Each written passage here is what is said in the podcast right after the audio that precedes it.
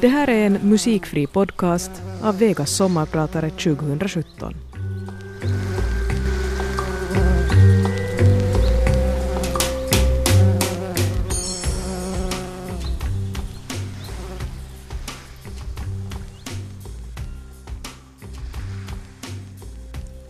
Det är sommarhastighet på riksåttan, men jag kör ändå för fort. Jag är fem minuter för sen, kanske tio, beroende på hur noga man är. Jag är inte speciellt noga. Det är augusti och det är varmt och jag har vevat ner fönstret på bilen jag lånade av min svägerska. I bilens CD snurrar en repig Håkan Hellström-skiva. Den första. På passagerarsätet bredvid mig så ligger en handfull andra skivor precis utvalda för att passa tillfället. Ingen R&B och ingen hiphop. Nästan bara svenskt och sen best of-skiva med Morrissey. Jag har haft semester i två veckor och är mitt solbrändaste jag och jag hoppas jag ser snygg ut. Jag har med flit varit nonchalant med mitt klädval och jag har med flit inte städat lägenheten speciellt mycket. Allt för att intala mig själv att det här, det här är inte något ovanligt. Det här, det här är helt normalt. Men mitt bultande hjärta avslöjar mig ändå. Jag försöker sjunga med i Hellström-låten, men min sång övergår till ett vrål. Här sitter jag på riksåttan. Det är en dammig augustidag och jag vrålar i hundra kilometer i timmen, minst.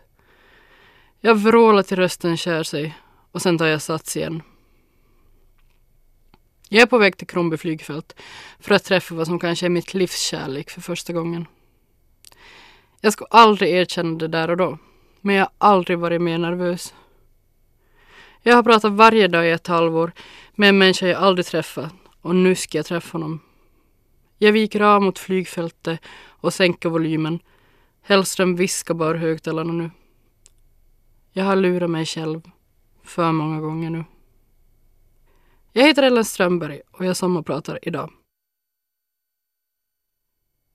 Jag heter alltså Ellen Strömberg och jag är din sommarpratare idag.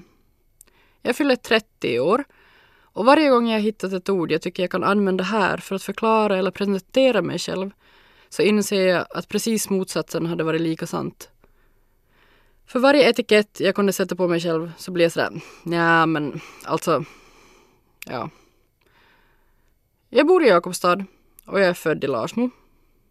Jag tycker om att läsa böcker och att försöka skriva böcker. Jag tycker det är jobbigt att ha kontakt med myndigheter och auktoriteter och jag har varit vegetarian mer eller mindre i tio år. Men i vintras så åt jag korv och makroner för då blev jag sugen på det. Jag hatar att diska, men jag älskar att dammsuga. Jag har inga ambitioner att bli kändis på något sätt, men jag tycks ändå dras till sammanhang som gör att jag syns. Min familj brukar ibland pika mig för att jag figurerar i tidningen så ofta. Och det är för övrigt inte så jäkla ofta. Syrran brukar apropå ingenting sådär börja sjunga Fame, I'm gonna live forever. Ibland när jag berättar om vad jag har på gång. Det är kanske bara det att sånt jag tycker är intressant och kul att göra ibland har någon slags nyhetsvärde. Typ Jeppis Pride för ett par år sedan. För er som mot förmodan inte hört talas om Jeppis Pride så ordnade vi 2014 en Pridefestival i Lilla Jakobstad. Det blev en nästan årslång debatt i lokaltidningen och till slut en, ja, en megasuccé. Vi var typ 2000 som gick i paraden. Lika många som stod vid sidan om och hurra. Vi vann väl den där årslånga debatten kan man väl säga. Jag ställde upp i ett kommunalval en gång också. Jag kom för övrigt inte in men jag lärde mig en hel del. Och så jobbade jag på ett ställe, Musikcafé After Eight, som rätt ofta gör saker som hamnar i tidningen. Och så skriver jag en blogg. Min blogg ja, har du läst den någon gång? Om inte så kan jag spela en låt nu så får du ett par minuter på dig att googla. Blake, Fate och Fab.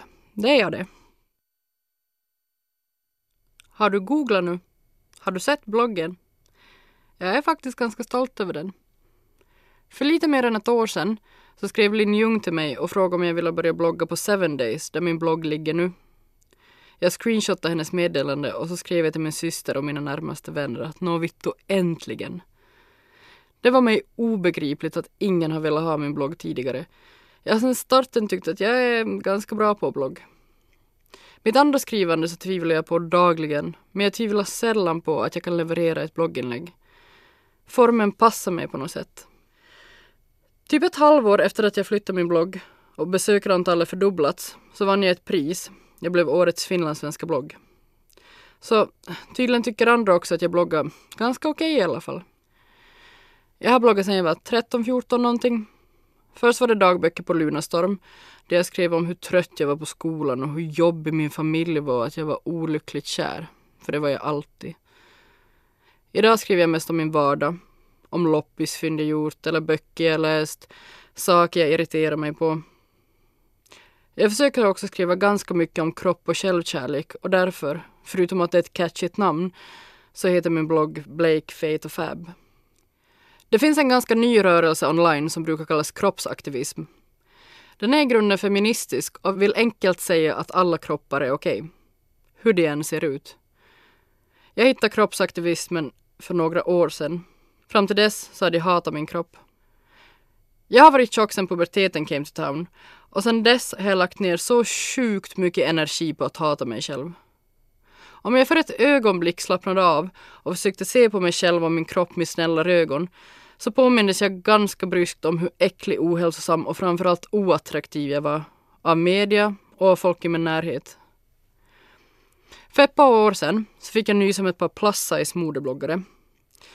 Det här är kanske svårt att förstå för någon som aldrig haft problem med, men det var som om en helt ny värld öppnade sig för mig.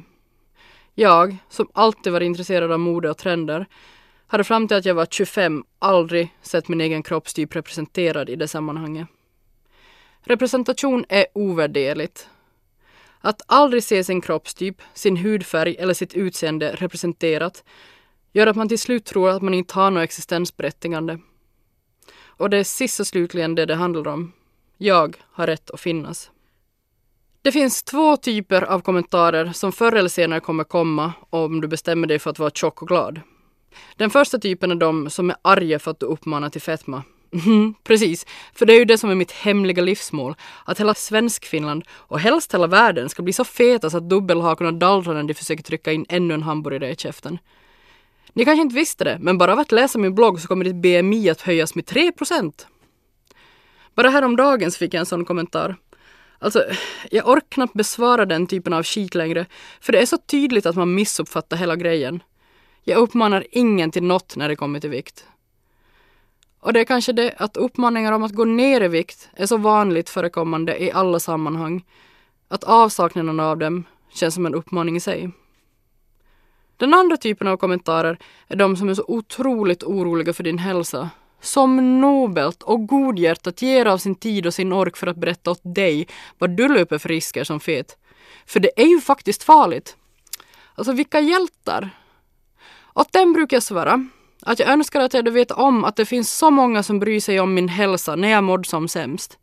När jag som tonåring grät och gömde mig, inte vågade äta, inte sov och hatade mig själv, så hade det varit skönt att veta att det finns en armé som inte vill något annat än att jag ska må bra. Och så brukar jag avsluta med att säga att de kan ta det lugnt. Jag mår faktiskt bättre än någonsin idag.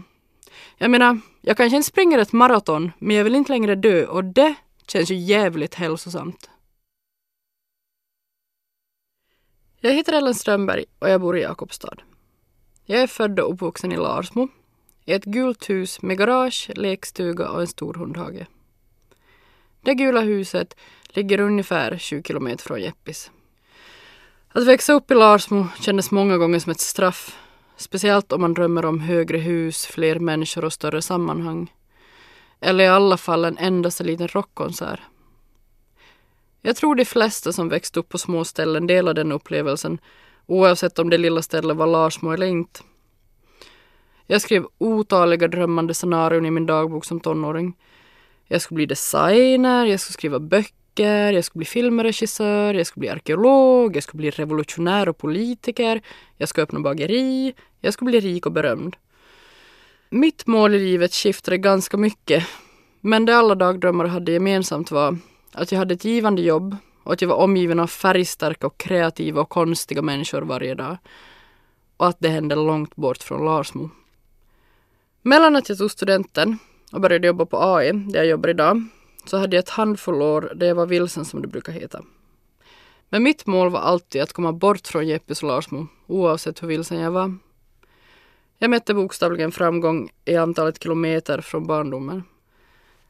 Jag försökte studera ett par år i Åbo, men det slutade katastrofalt med en djup depression och knappt några studiepoäng alls. Jag bodde ett år i Tyskland där jag ströjobbade och drack Jägermeister, för att sammanfatta det kort. Jag var bombsäker på att livet, det hade redan börjat och min uppgift var att hitta platsen där livet fanns. Efter ett par sista turbulenta månader i Tyskland, där jag lyckats flytta in hos min dåvarande pojkvän bara för att bli dumpad och utslängd snart efteråt, så flyttade jag till slut tillbaka hem till Larsmo. Jag skulle såklart åka tillbaka så fort jag hade jobbat ihop lite pengar. Eller i alla fall åka iväg någonstans. Kvar Jeppis skulle jag inte bli. Jag dagdrev en hel sommar och en hel höst. Googlade jobb utomlands nätterna igenom och läste böcker om dagarna. Jag gick och väntade på något som jag inte visste vad var. Till sist började jag jobba på After Eight. Ganska motvilligt. Jag skaffade lägenhet i Jeppis. Tillfälligt såklart. Jag skaffade en katt. Jag skaffade två katter. Jag gjorde mig mer och mer hemmastad, men jag erkände inte. Har man längtat bort ett helt liv kan det vara svårt att erkänna att man plötsligt trivs. När man tänkt sig vara ämnad för öppna horisonter och exotiska platser så kan det lätt ses som ett nederlag när man trivs som bäst med fötterna djupt nere Pärolandi. Jag har fortsatt att blicka utåt och bortåt många år efter att jag hade återvänt till Jeppis. Många kanske tror att jag nöjde mig och att jag gav upp. Men det som hände var att jag snarare sänkte blicken och nästan yrvaket betraktade det där Pärolandet som jag stod i. Och så upptäckte jag en sak. Jag upptäckte att jag hade ett givande jobb, att jag hade en färgstark, kreativ och en otroligt konstig bekantskapskrets. Jag upptäckte att det där livet som jag sökte efter, det pågick precis här. Ungefär 20 kilometer från mitt barndomshem. Det här var alltså mina kompisar Kosta och Tom Alfons låt Everyday. De bor båda två i Jeppis och spelar på After Eight i våras. Så här kan det alltså låta, 20 kilometer från Larsmo. Jag brukar säga att jag alltid har varit feminist. Det kanske inte riktigt stämmer, för man kanske inte kan vara feminist utan att veta vad feminism är. Men jag tror att jag skulle ha skrivit under feminismen redan som tioåring om jag hade kunnat. Jag var ett högljutt barn, i alla fall i skolan. Inte speciellt stökig, men jag var självgod på det där sättet som man kan bli som barn om man läser väldigt mycket och tror sig ha listat ut hur allting hänger ihop. Som barn var jag också nästan besatt av rättvisa. Alla skulle ha precis lika mycket. Och sådana enkla saker som att säga vilken godissort i lördagspåsen som var godast var omöjligt för mig. För då var det ju så många sorter som inte blev valda. Alltså, jag försöker inte måla upp mig som något väldigt godhjärtat barn, för det var jag verkligen inte. Snarare var jag neurotisk och feg. Ju äldre jag blev, desto mer uppenbart var det att jag inte var ljuv som flickor gärna skulle vara. Jag var allt för mycket av allt annat och i högstadiet blev det tydligt att jag aldrig skulle vara en av dem som pojkarna blev kära i. Men jag var långt ifrån mobbad eller opopulär. Jag var bara den där klassiskt roliga och knäppa kompisen. Jag hade säkert hört om feminismen före, men det som jag brukar räkna som starten till min feminism är när jag hittade boken Fittstim på Bibban. Fittstim är en antologi skriven av ett gäng svenska feminister i slutet på 90-talet. Boken orsakade någon slags kalabalik när den kom ut. Ganska mycket på grund av namnet och för att bokens perm är ett foto av en hårig bikinilinje med ordet Fittstim skrivet på ett par turkosa trosor. Jag lånade boken och så gömde jag den i mitt nattduksbord, rädd för vad mina föräldrar ska tycka om permen. I sänglampans sken läste jag sen texterna av Linda Skugge och Linna Johansson och Marimba Rooney och Marit Bergman och alla de där andra gång på gång och jag älskade hela boken. Här var en grupp människor som välkomnade mig precis som jag var, till och med uppmuntrade allt det jag var. Högljudd och obekväm och generös med kajalen. Ibland tänker jag att det bara var en lycklig slump att feminismen hittade mig från någon annanism. Jag var vilsen och förbannad och feminismen erbjöd ett hem. Feminismen sa att det var okej okay att vara förbannad. Feminismen gav mig vänner och mål att sträva efter. Feminismen gav mig en identitet. Det hade säkert kunnat bli något annat som blev min identitet. Jag hade lätt kunnat falla offer för andra ismer, mycket mindre sympatiska än feminismen. Jag hade förhoppningsvis hittat ut ur dem, men man kan aldrig vara säker. Men så tänker jag att jag var ju tack och lov inte speciellt attraktiv för någon annan ism heller, eller något annat sällskap överhuvudtaget. Jag var tjock och pratade för mycket och klädde mig i tre dubbla kjolar köpta på loppis och sprayade håret rakt upp och rakt ut från huvudet. Jag var ständigt uppmärksamhetsstörstande samtidigt som jag gärna beskrev mig själv som en underdog och en konstnärssjäl för svår att förstå. Jag är så himla glad att jag var så pinsam som tonåring för det räddade mig från en hel del sammanhang som kunde ha lett in mig på så fel vägar. Det krävs ett stort hjärta för att välkomna den lilla fjortis som jag var för sådär 15 år sedan. Det krävs ett stort hjärta och det krävs tålamod och det här har feminismen. Den har lärt mig så otroligt mycket om mig själv och om andra. Den har öppnat mina ögon för andra orättvisor och strukturer i samhället. Och den gav mig ett gäng när jag inte hade någon. Trots det så presenterar jag mig sällan som feminist. Inte för att jag på något sätt skäms, men för att jag glömmer bort att det är något som måste påpekas. För mig finns inga alternativ. Det är som att jag ska presentera mig som att Hej, jag heter Ellen, jag andas. Det säger sig själv. Det är ändå kul att se att feminismen har haft någon slags påverkan. Jättemycket har ändrat de senaste tio åren och jag skulle säga att mycket av det där är till det bättre. Sen finns det mycket som borde ändra ännu. Jag är så sjukt trött på hur världen ser ut idag, både här hemma och där borta. Det är så lätt att skylla allt på en gris i en dålig tupé, men sist och slutligen är han bara ett symptom. Hela systemet måste ju ändra. Min dröm är att jag som gammal pensionär får berätta hårresande skräckhistorier för mina barnbarn. Jag ska berätta om hur vi i min ungdom lät människor drunkna på haven, om att vi någon gång faktiskt debatterade huruvida man skulle få gifta sig som gaypar eller inte. Jag ska berätta om hur städerskor slet ut sina kroppar för minimilön samtidigt som några farbröder skrattade hela vägen till sina skatteflyktskonton och hur alla åt kött tre gånger om dagen. Och jag ska berätta att man la ner skolor och sjukhus men kastade pengar på vapen. Jag ska berätta de värsta sortens skräckhistorier och jag kommer inte behöva överdriva en enda gång. Mina barnbarn ska sitta och höra på mig storögt och så ska de säga Nej men farmor nu ljuger du. Och jag ska luta mig tillbaka, kanske en gångstol och så ska jag skrocka och bara joho jo, så där gick det till när jag var ung. Jag vill att allt det här ska låta så osannolikt i deras ögon för i deras värld är allt mycket bättre. I deras värld, ett par generationer in i framtiden, så är allt annorlunda. Det hade varit drömmen alltså. Det fetaste hade ju såklart varit om allt det här hade ändrat nu över natten. Men jag är okej med om det händer inom min livstid. Jag tror det måste hända. För så här, så här ska vi inte ha det. Bara för ett par år sedan ännu så hade jag knappt haft något ordentligt förhållande. Jo, visst hade jag haft ett par lite längre historier, men aldrig något seriöst och alltid något skevt i det. Jag var alltid mer kär, eller så var relationen dödsdömd från början av andra orsaker.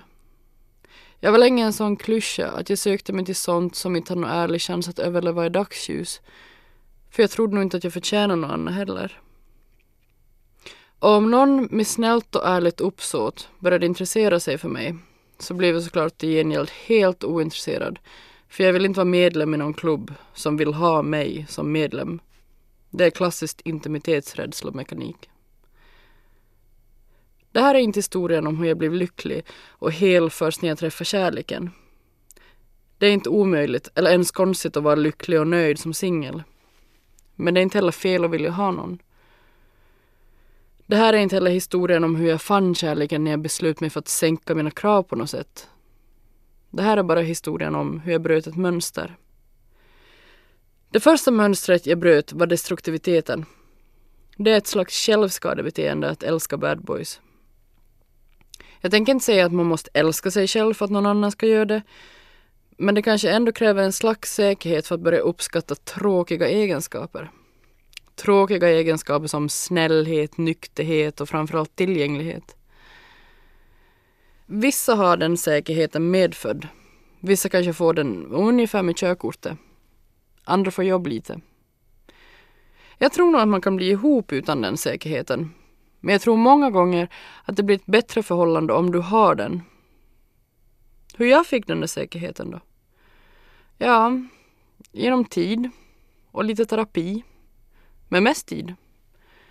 En dag insåg jag att cykel är en vinnare vid läderjacka. Det är nödvändigtvis inte motsättningar, men om jag måste välja så. Det andra mönstret är att jag på riktigt började skita i vad folk tycker. Alltså jag liksom levlar upp en nivå i obryddhet. Jag ska försöka förklara. Jag ville så gärna ha det där som andra verkade ha. Någon att komma hem till.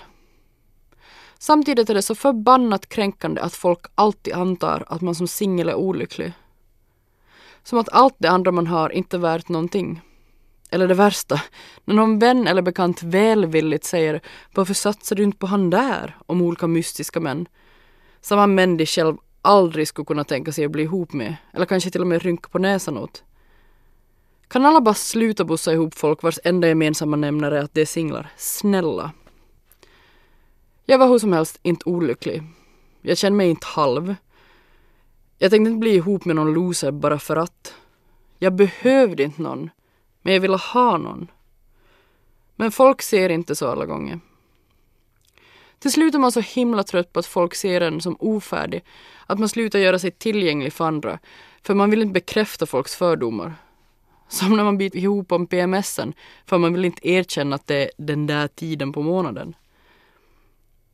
Jag vägrade länge, länge nätdejta. Nätdejtar man så erkänner man ju svart på vitt att man söker efter någon. Och söker man efter någon så vill man ju ha någon. Och vill man ha någon då kan folk få för sig att man behöver någon.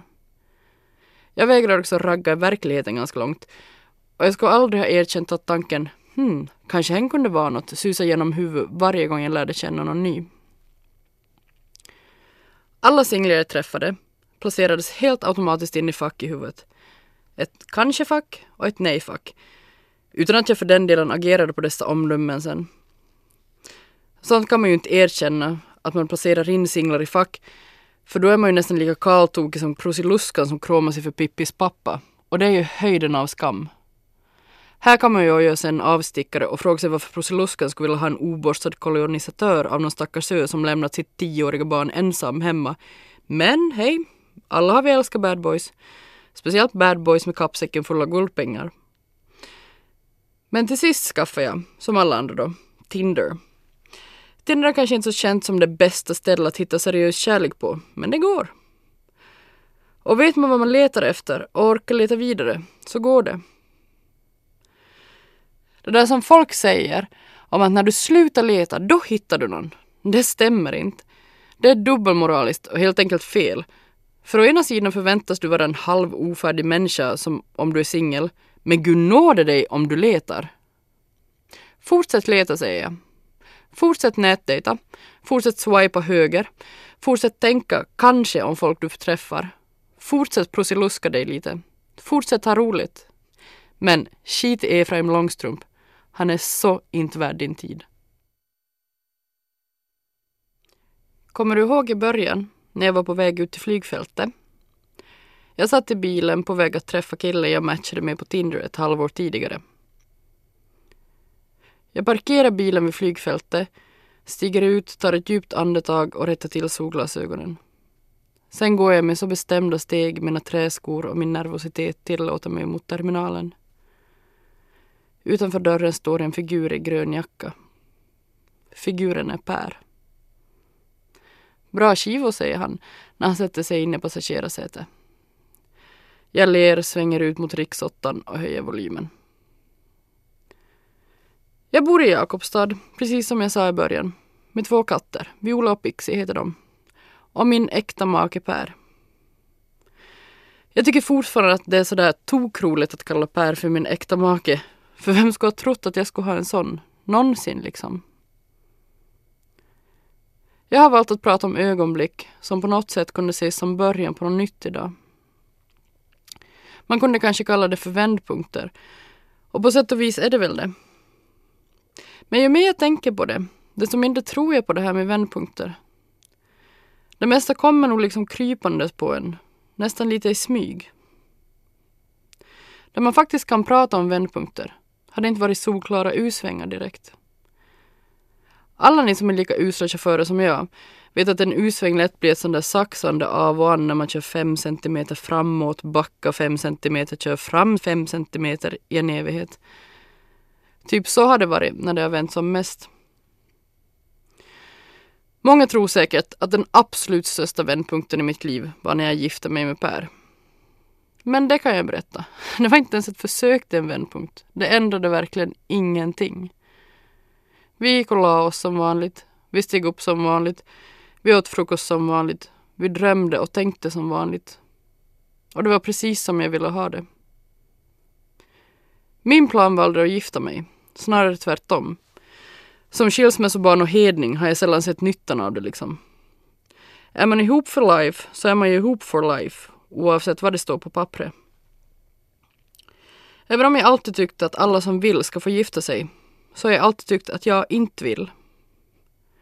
Jag och Per gjorde det av rent praktiska skäl. Och kanske lite som en kul grej att chocka folk med, om jag nu ska vara helt ärlig. Men oavsett hur cynisk jag vill vara, så tycker jag ju om att vara gift med Per. Jag tycker om att det kommer att ta massa pappersjobb och en lång tid om han vill lämna mig. Jag tycker om att jag alltid kommer att finnas i Pers liv, oavsett vad som händer. Jag tycker om att vi båda tror så hårt på det här, att vi är villiga att sammanlänka oss på det här sättet. Men om vändpunkt, det var det inte. Det var mer som att jag fortsatte precis på den väg jag hade tänkt mig, men att jag plötsligt fick sällskap. Och sällskap, det är ju alltid trevligt. Det finns ögonblick och vändpunkter jag ännu väntar på i livet. Jag hoppas att om jag ett par år, när jag sommarpratar igen, kan fylla på listan med flera ögonblick eller vändpunkter. När min första bok blev utgiven. När jag fick barn. När jag plötsligt tyckte att det var kul att stiga upp på morgonen. Det finns så otroligt mycket att se fram emot i livet ännu. Jag heter Ellen Strömberg och jag har sommarpratat idag. Det här är min och Pers låt.